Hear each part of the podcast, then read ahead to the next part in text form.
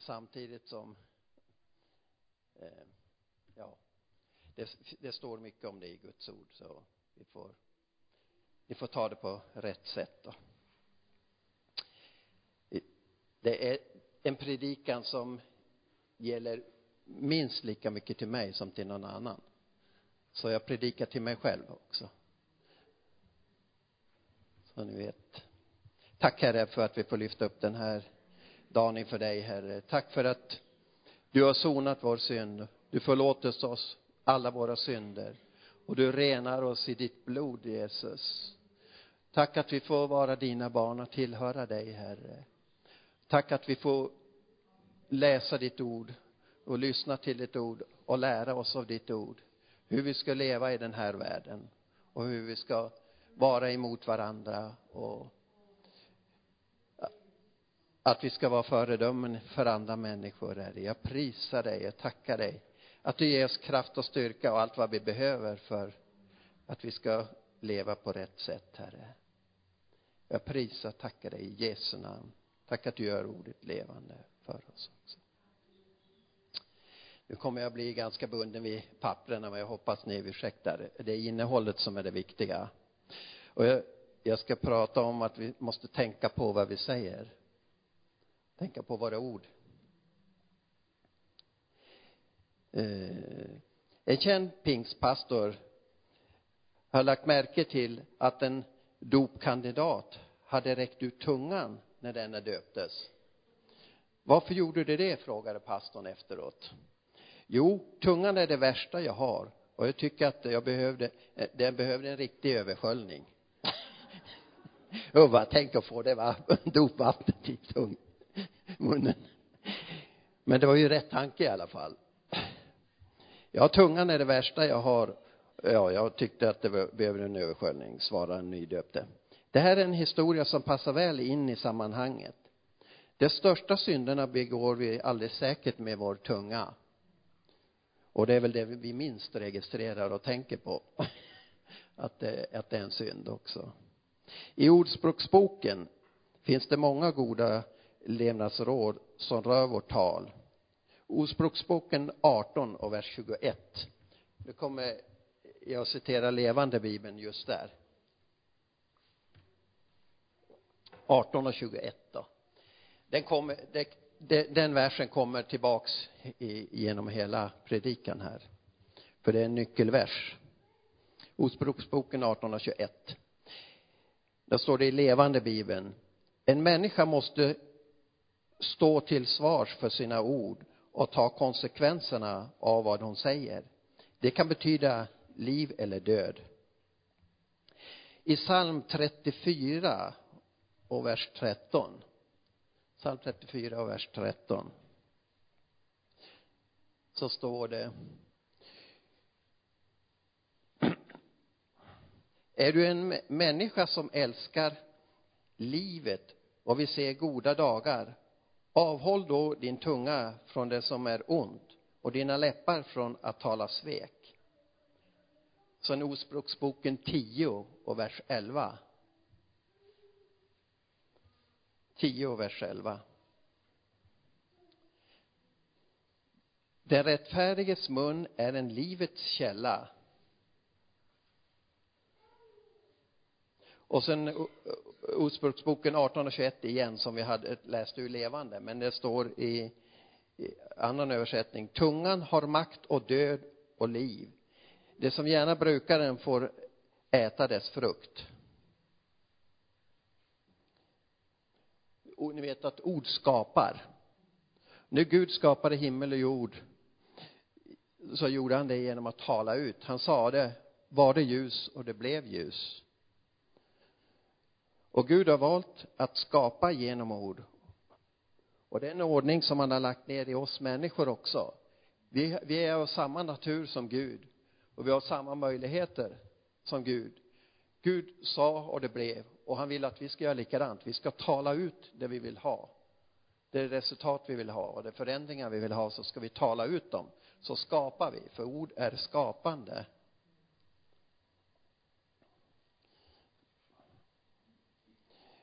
Mycket av vårt liv skapas genom vårt sätt att tala, både på gott och ont. Låt din mun vara en källa till liv, både för dig själv och för andra. Och det är en, en intressant grej, när John Shu talar över det här ämnet så berättar han att en god vän till honom är hjärn, hjärnkirurg. Och han, han sa att talcentrat verkar dominera över andra centra i hjärnan. Det tycker jag är en mycket intressant sak här.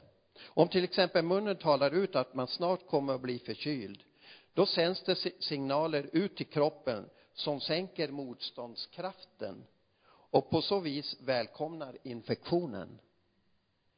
Kan ni tänka er att hjärnan styr ju kroppen och det vi talar ut, det ställer kroppen in sig efter. Det är därför det är så lätt att få förkylningar och få det ena åkomman efter den andra, därför att vi talar ut det.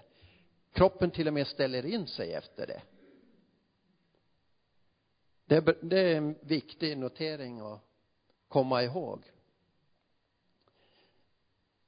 Och det kan man ju tänka på bara, nu brukar jag säga, nu känner jag att jag får lite huvudvärk eller ont i magen eller snuva och nysningar och irritation i halsen.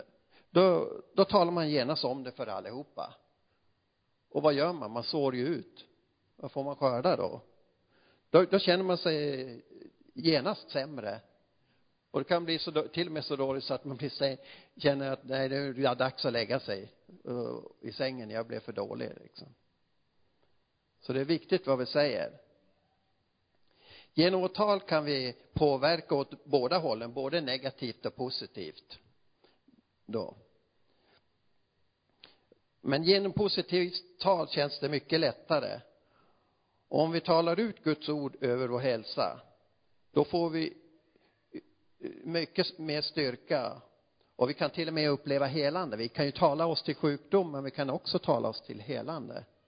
Som det står i Jesaja 53 och vers 5.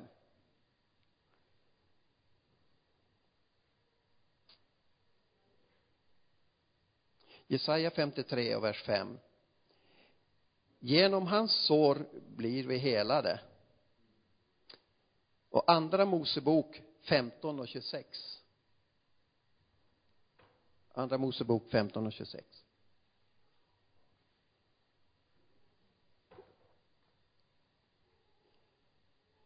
Jag är Herren din läkare.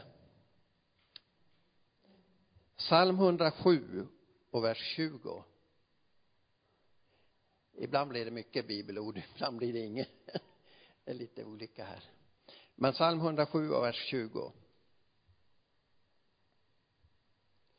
Han sände sitt ord och botade dem. Naturligtvis behöver vi samarbeta med att leva på ett rätt sätt och tänka på vad vi stoppar i oss och så. Inte bara talet, utan hur man lever också, för att hålla sig frisk. Så är det viktigt med en positiv bekännelse. I barnuppfostran vet vi hur viktigt det är att bekräfta och uppmuntra barnen, ge beröm för framsteg och saker som är bra. Oftast är det lättare att kritisera och, och prata om de negativa sakerna. Men ett barns karaktär och självförtroende påverkas ju om hur positiva eller negativa vi är. Så det är jätteviktigt, även om de gör fel, mycket fel och brist, har fel och brister och gör fel saker, så är det så lätt att ha fokusen på det felaktiga istället för det positiva. Men det, det, det påverkar hela deras framtid, hur de får uppfostran både i skolan och i hemmet. Det följer dem hela livet, så det är så viktigt att pra, prata rätt och tänka rätt. För ord skapar. Tala därför positivt och uppmuntrande både till dig själv och till andra. Gör det till en sport att hitta något gott att säga i varje situation. Det är bra, bra tank, tankar. Liksom, tänk, nu ska jag verkligen sätta en ära i att, att uppmuntra någon människa och prata väl om dem. Och eh, en äldre kvinna som var känd för att aldrig säga något ont om någon fick frågan men djävulen kan du väl i alla fall inte säga något gott om? Kvinnan funderade en stund och sen sa hon ja säga vad man vill men han är åtminstone uthållig inte ens där kunde hon säga något negativt. Och det är ju sant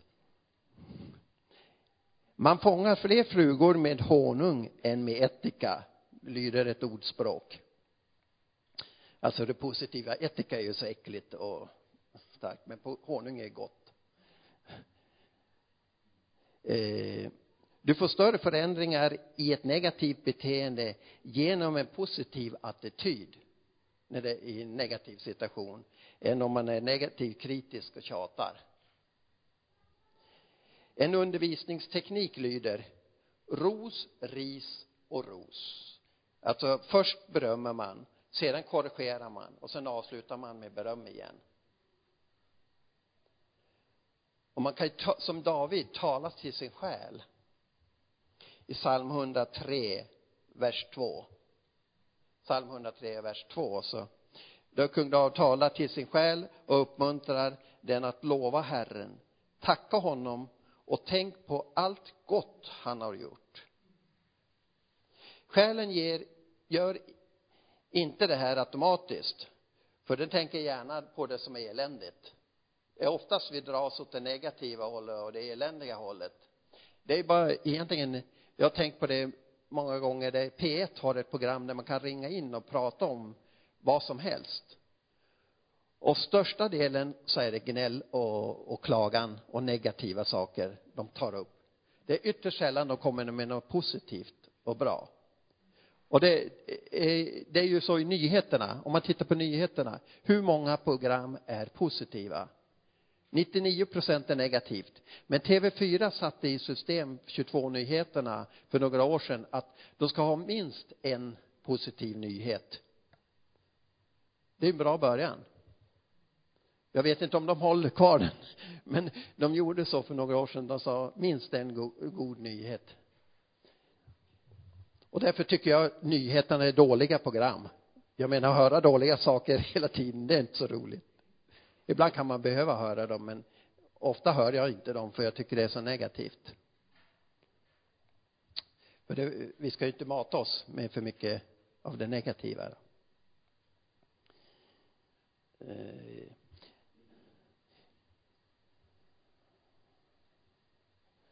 eh, själen gör inte automatiskt det, eh, alltså tänker det som är rätt utan den tänker på det som är fel. Därför behöver vi styra ta, våra tankar och sinne på det rätta. I klagovisorna 3 och 18 har vi en bra beskrivning av själens opolitlighet.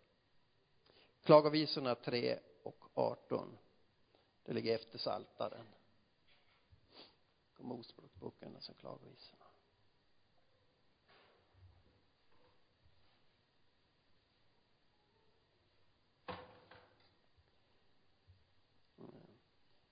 Efter att han klagat Gud för eländet säger författaren det är slut med min livskraft och mitt hopp till Herren.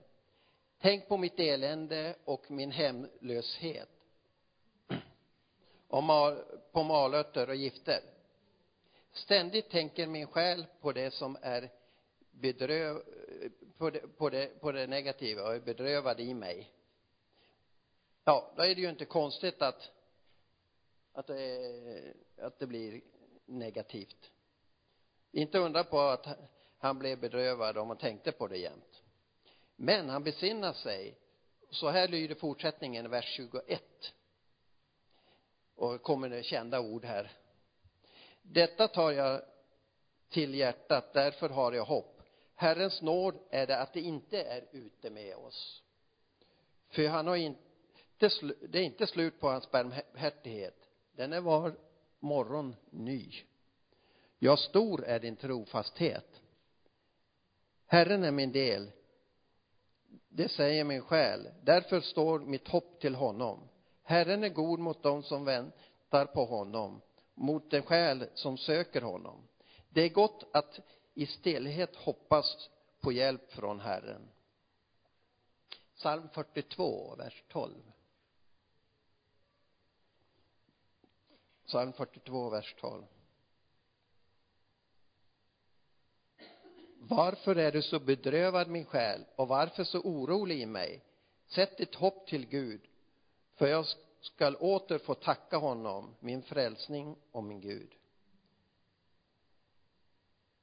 Vi behöver också tala till vår själ och uppmuntra oss med tankar och pri, prisa Herren och tänka på hans godhet man kan gärna ha en dagbok när man har en andaktsstund och inför Herren och sen anteckna allting som Herren talar till en.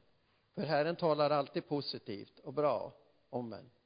Och då kan man i när det, man tycker det är jobbigt och tungt ibland då kan man ta fram den där boken och läsa och proklamera ut det Gud har sagt i den här dagboken då.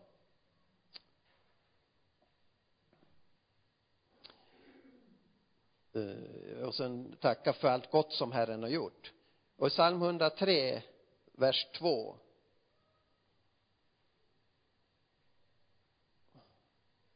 så står det kända ord där. Psalm 103 vers 2 lova Herren min själ och glöm inte hans välgärningar.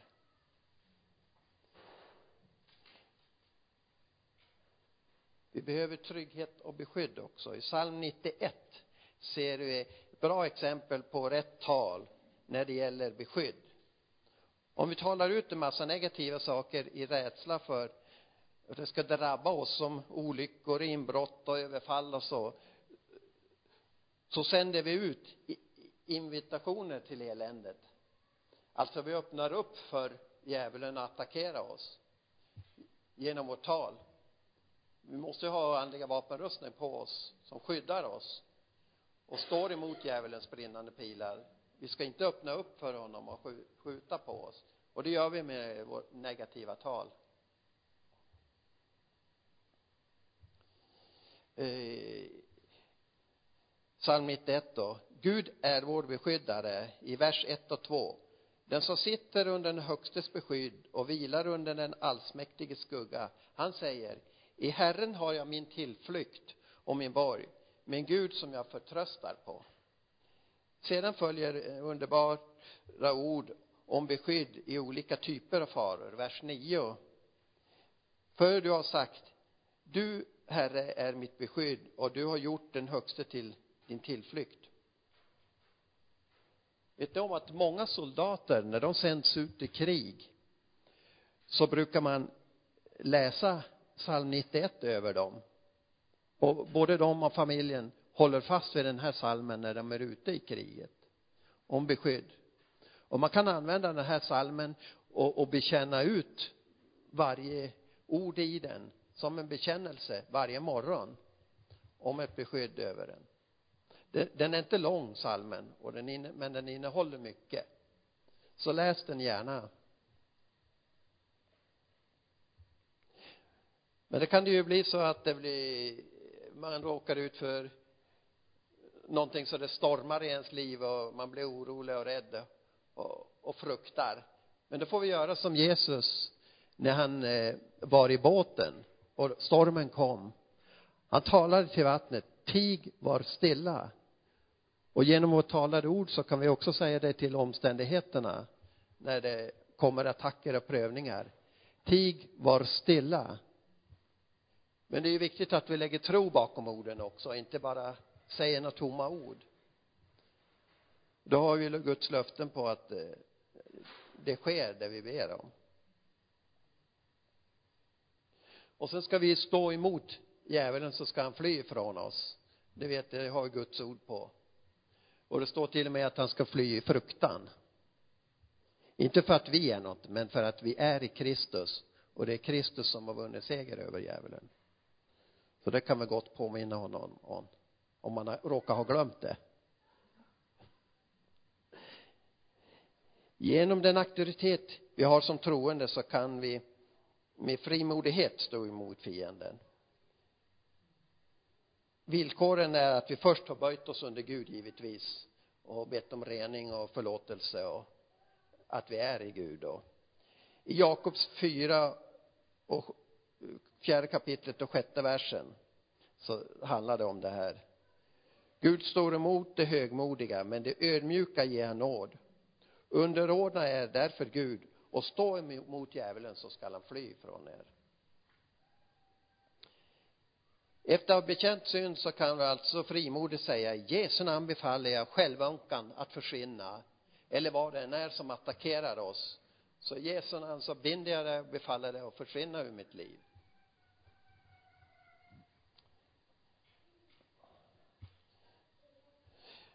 Och sen tackar man och prisar Herren för han var, hans seger. Jesus när han blev frestad i öknen vad gjorde han? Han talade emot attackerna mot frestelserna. Han började inte eh, slåss och kämpa och brottas utan han talade Guds ord mot djävulen. Och det står ju i Lukas 4, 4 vi ska inte läsa det men ni som antecknar det och så kan man ju tala till sjukdomar och berg av problem.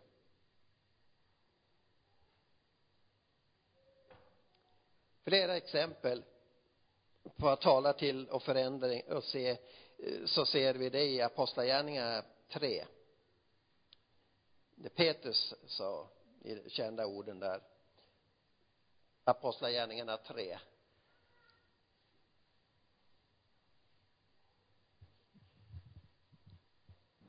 silver och guld det har jag inte men det har det jag har det ger jag dig.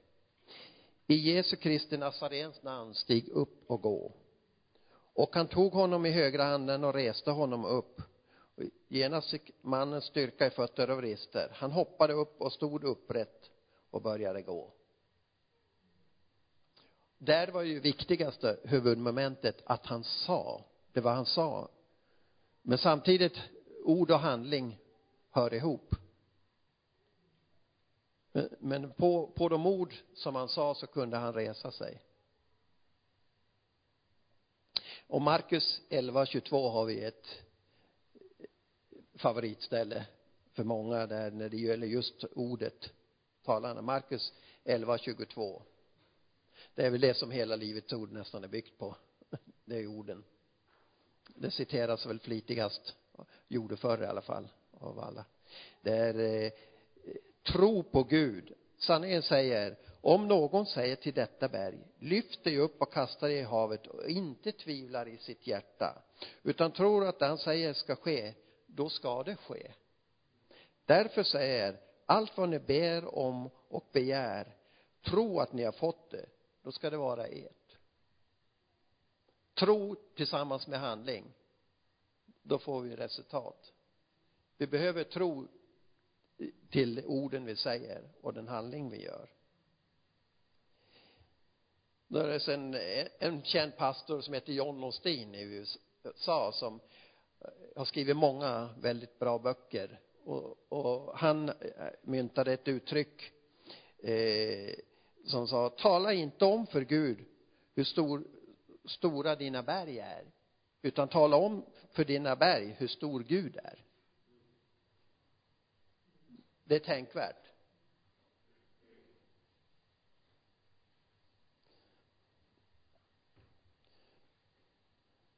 Ytterligare några goda liv, levnadsråd har vi i ordspråk, ordspråksboken 13 och 3 ordspråksboken 13 och 3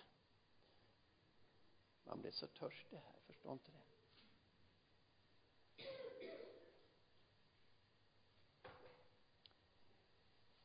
Den som vaktar sin tunga bevarar sitt liv. Den lösmynte råkar i olycka. Ordspråksboken 12 och 17 kapitel 12 och 17 den ärlige talar sanning. Ett falskt vittne bedrar. Ord från en tanklös kan huggas som svärd det visas tunga ger läkedom. Tänk vad mäktiga orden är de kan hugga som svärd. Det har man känt ibland när någon har varit elak emot en och så där. Det, det hugger i hjärtat. Det gör ont. Men samma sak om det talas läkedom så kan man känna det hur skönt och ljuvligt det är att få uppleva det och sen är Ordspråksboken 14 och 23 14 och 23 av all möda kommer någon vinning. Tomt prat leder till fattigdom. Och sen det här eh, nyckelversen i, för, för hela predikan som vi har kom, läst förut det Ordspråksboken 18 och 21 tungan har makt över död och liv. Den som gärna brukar den får äta dess frukt. Så negativa uttalanden. Vi människor förstår oftast inte makten i det ord vi uttalar själva. Vi talar ofta ut mycket goda ord och positiva saker men också negativa uttalanden som till exempel jag kommer aldrig att klara av det här och vad det nu är för någonting. Eller jag misslyckas alltid med att och sen fylla i vad, vad man misslyckas med. Det är så viktigt att vi talar rätt där. Ett skräckexempel är en, en man som vid 40 års, 8 års ålder han hade god fysik och kondition och var kristen. Han började känna som om han inte hade långt kvar att leva. Alltså han var bara 48 år. Han upplevde hur döden slöt sig närmare omkring honom och förstod inte varför. Han bad men det hjälpte ingenting. Han sa till Gud jag har ju en familj med små barn. Jag vill inte dö nu. Då frågade Gud honom vad har du sagt i ditt liv? Han kommer inte ihåg något särskilt men Gud påminde honom om att han vid 20 års ålder som ofrälst ofta sagt att han inte ville leva en dag över 50 ögonblickligen utropade mannen det uttalandet annullerar jag i Jesu namn. Jag ska leva ett fullt liv och gärna till 120 år. Och lyssna nu i ett ögonblick försvann hans mörka känslor och ångesten över sitt åldrande. Direkt försvann attackerna. Så det är viktigt vad man säger i unga år också.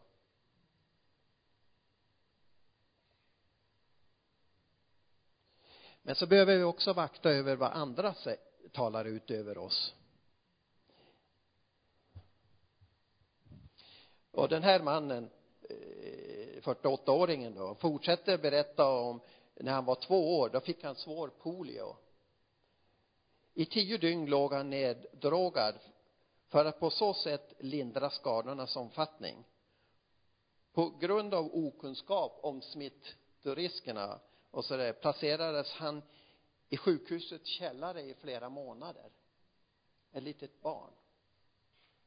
Det lilla barnet glömde bort sina föräldrar för de hade så lång väg att fara så de kunde ju inte komma och hälsa på så ofta.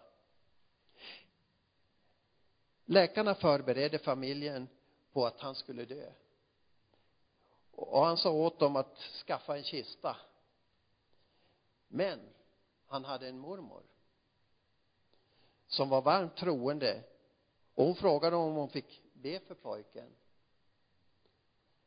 Föräldrarna var inte frälsta men mamman, mamman gav sitt medgivande att de fick be för pojken.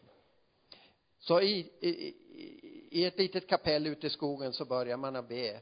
Och i samma ögonblick de börjar be så vände sjukdomen.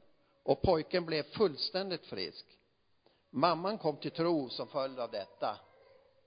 Och den här mannen började tänka att han hade polio alltså.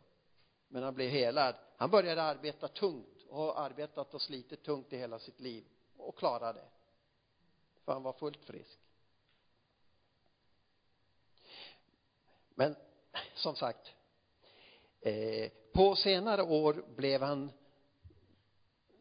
eh, dock i, i all välmening av en släkting informerad om att han skulle få tillbaka polion efter 40 år så kallade postpoliosyndrom. Alltså eh, det, det kunde leda till att han hamnade i rullstol i bästa fall. Men informationen såg han som kommen från djävulen och han bestämde sig för att ta ett tur med förutsägelserna. Det hade inget med honom att göra som pånyttfödd kristen. Men vad, vad dumt av den här släktingen att tala om, visst det kanske i normala fall brukar komma eh, efter 40 år en släng av, av det här om man har varit bättre men men att tala ut sånt här det är ju en förbannelse. Det är så viktigt tungans bruk då. Jakobs brev tredje kapitlet och andra versen. Jakob 3 och 2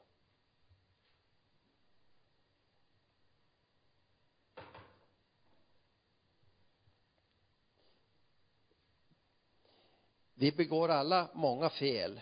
Om någon inte felar i sitt tal är han en fullkomlig man som också kan tygla hela sin kropp.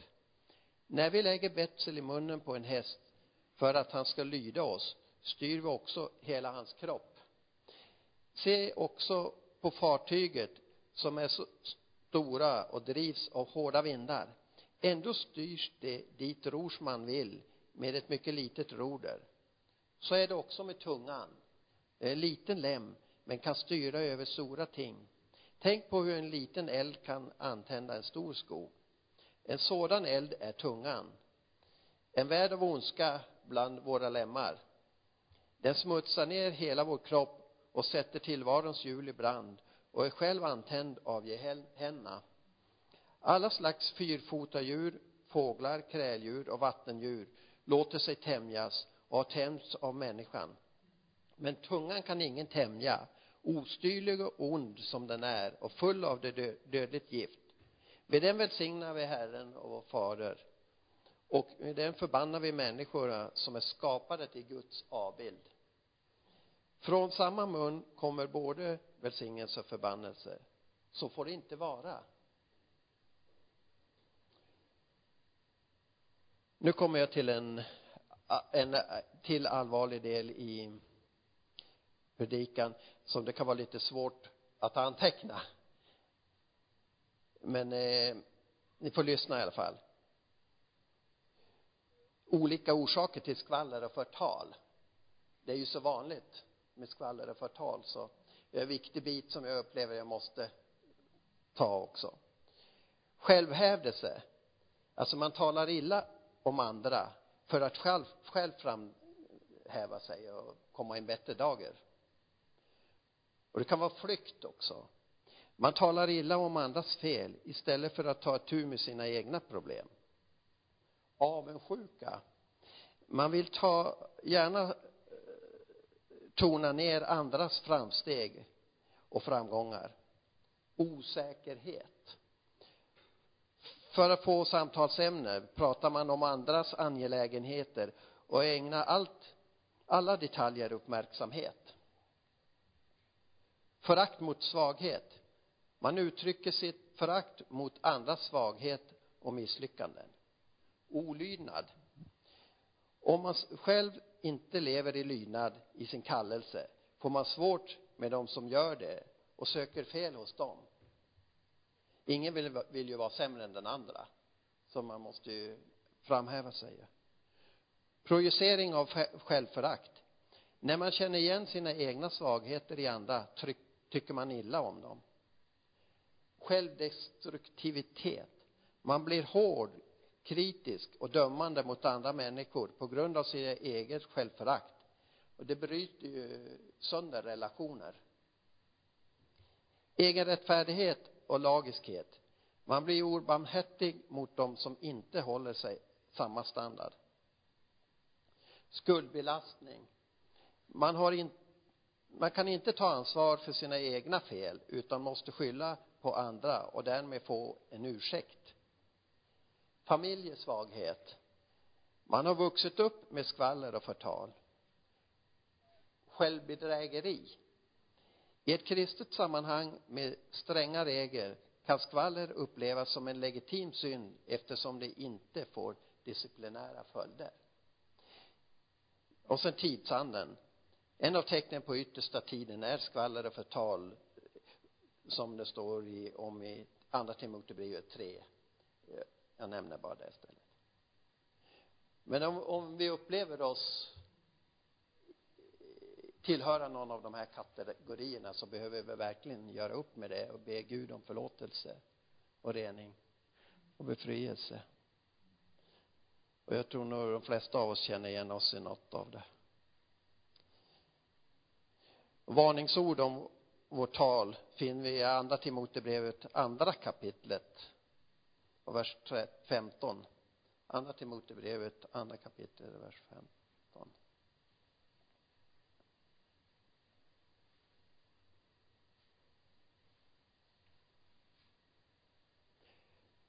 Gör allt vad ni kan för att bestå provet inför Gud, likt en arbetare som inte behöver skämmas utan rätt delar sanningens ord.